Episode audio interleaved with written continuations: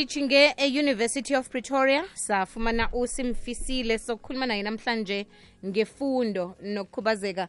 Simfisile lotsha sawubona. Uvukile? Ngivukile njani? Esikhona nathi siyathokoza bona namhlanje ozokukhuluma nathi emhathweni kwekwezi FM nami ngiyajabula ukuba khona. Siyathokoza. Um simfisile sikhuluma ngefundo ifundo yawo woke umuntu namkha into efiswa ngiwo woke umuntu.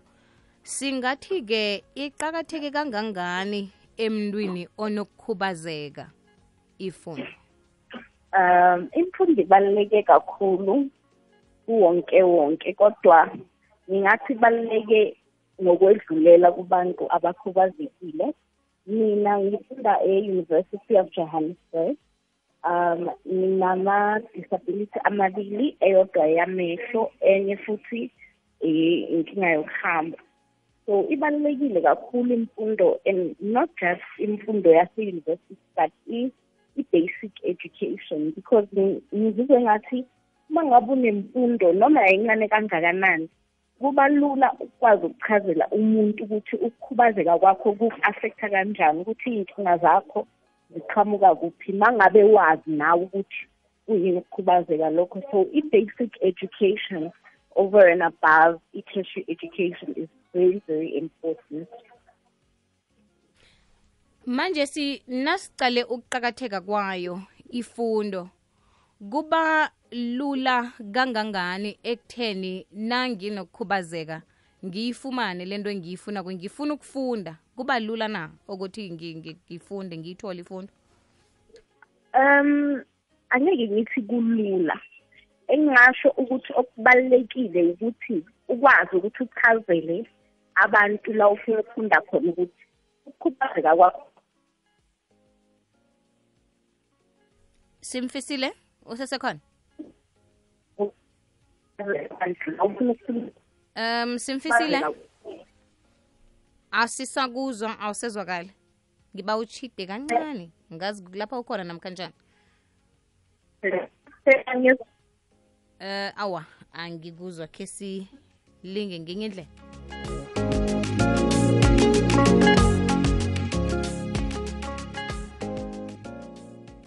Simfisile usesekhona? Yebo ngikhona. Alright uh kenge sikuzwe nawo usiphendulako kodwa ke ngizokuba bona sithengise bese ngemva kwenitolo usiphendule. Siyabonga. Enkathini zalokha umrhatsho usabanjwa ngokujika ikunube. Ukhambise ilithi liyokuhlalahlangana kuka-90.6 ukuya ku-107.7 ikwekwezi fm ibikhona. Ikwekwezi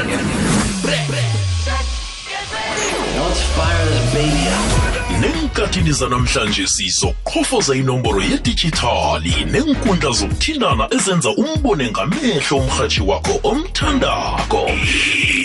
Ikwekwecfm isesekhona 90.6 ukuya ku-107.7 fm umkhanyo ukhona kukhanya ba.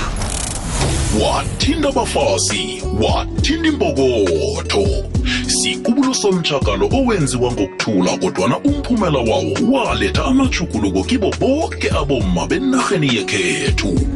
Namhlanje si-ichimalango 1956 ligidingwa ukuthabela ukukhumbuzana ngendaba ezithinda abantu bengubo ekhethwa phane afrika abomma basakandelelekile ngokwamalungelo ngamathuba ngemisebenzi ukusahlelwa nokubulawa. Isewula afrika njengephasi loke iqale ukubuchukulula ubujamo bokungakafiki u-2030 hashtag phakama mma. Imatshumi amabili nanye imzuzu ngemva kwesimbi yechumi kwekwezi fm kukhanya ba ngimnawe 9 to 12 sisakhambisana nosimfisile. Simfisile besisaqale indaba ukuthi-ke nanginokukhubazeka ngifuna ukufunda ngifuna ukurap- eh, ukuragela phambili nemfundo zami kuba lula kangangani ukuthi ngikwenze lokho?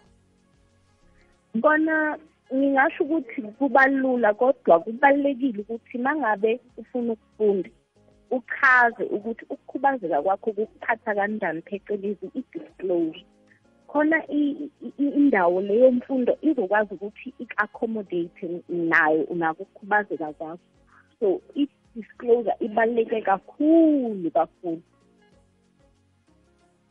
Bese kuba naziphi iintshijilo sele ufikile eyunivesithi njengawe umfundi eyunivesithi kuba neentshijilo ezinjani ama-challenges?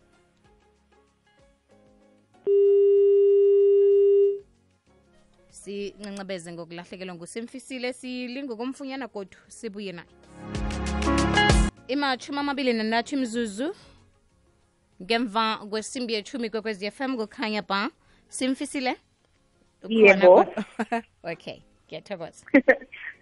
Um ya besikhuluma ngeentshijilo oqalana nazo namkha engingaqalana nazo evasithi ya. Yes. So ngingasho ukuthi kuningi khona. Mhm. kodwa iy'nkinga ziyanda uma ngabe abantu bengazi ukuthi banga-accommodate kanjani. So i-disclosure be- njengoba bengishilo nasekuqaleni is very important.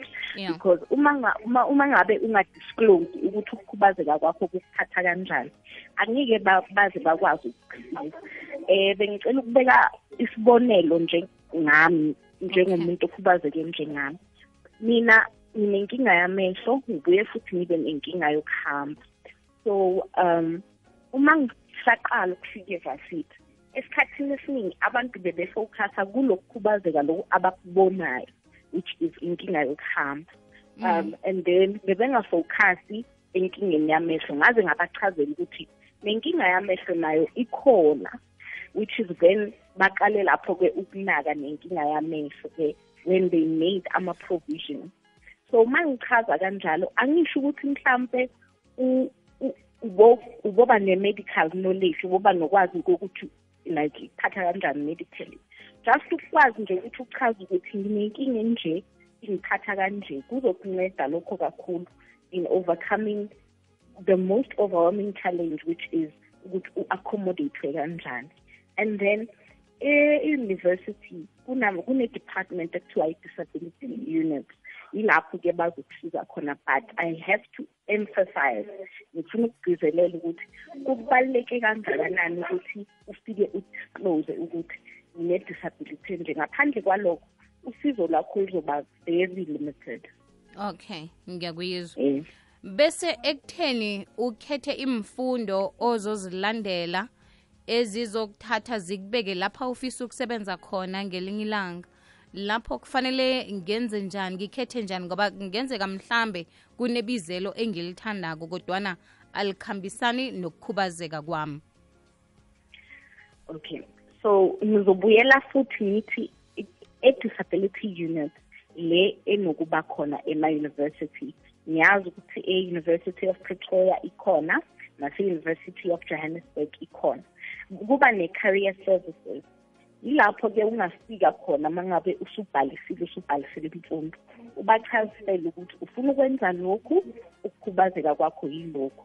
Um ngicela futhi ukusho ukuthi i would like to stress ukuthi i-disability yomuntu imfihlakalo yakhe it's confidential.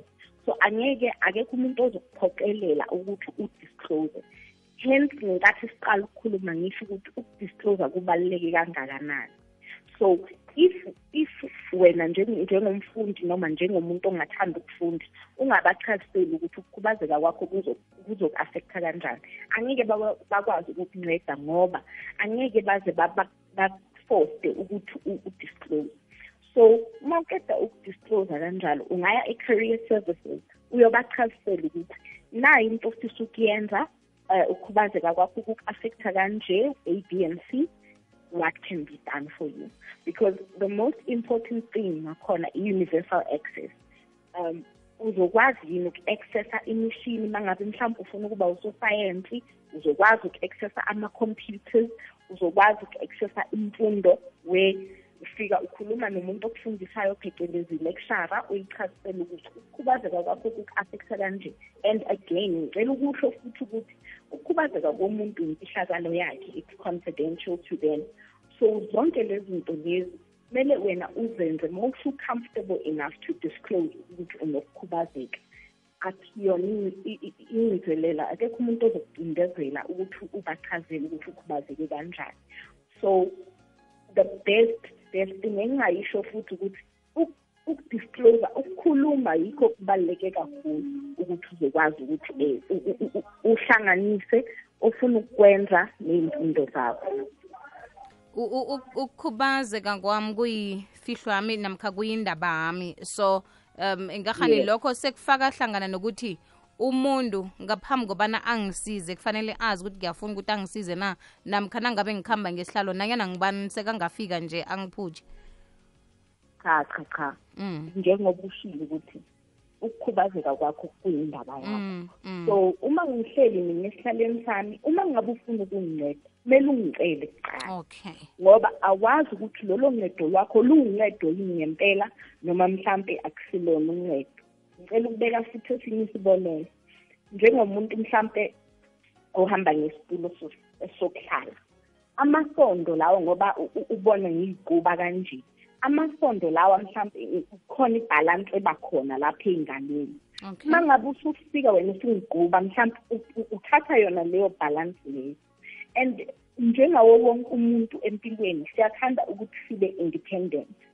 So uma ngabe wena ufika ungiguba ungangicelanga unokuthatha kona lokuba independent lokhu esengiyinakho and kufana nokuthi invasion yabo because sengizitrainile mina ngiyazi ukuthi uma ngibambelele esitulweni sami singinceda or A, B and C. Mangabe wena usizofika usizongiguba ungangicelanga ukuthi ungangiguba noma ungangibuzanga ekuqaleni ukuthi ngiyayidinga na uncedo. mm. Mhlawumbe uyamosha ubungazi.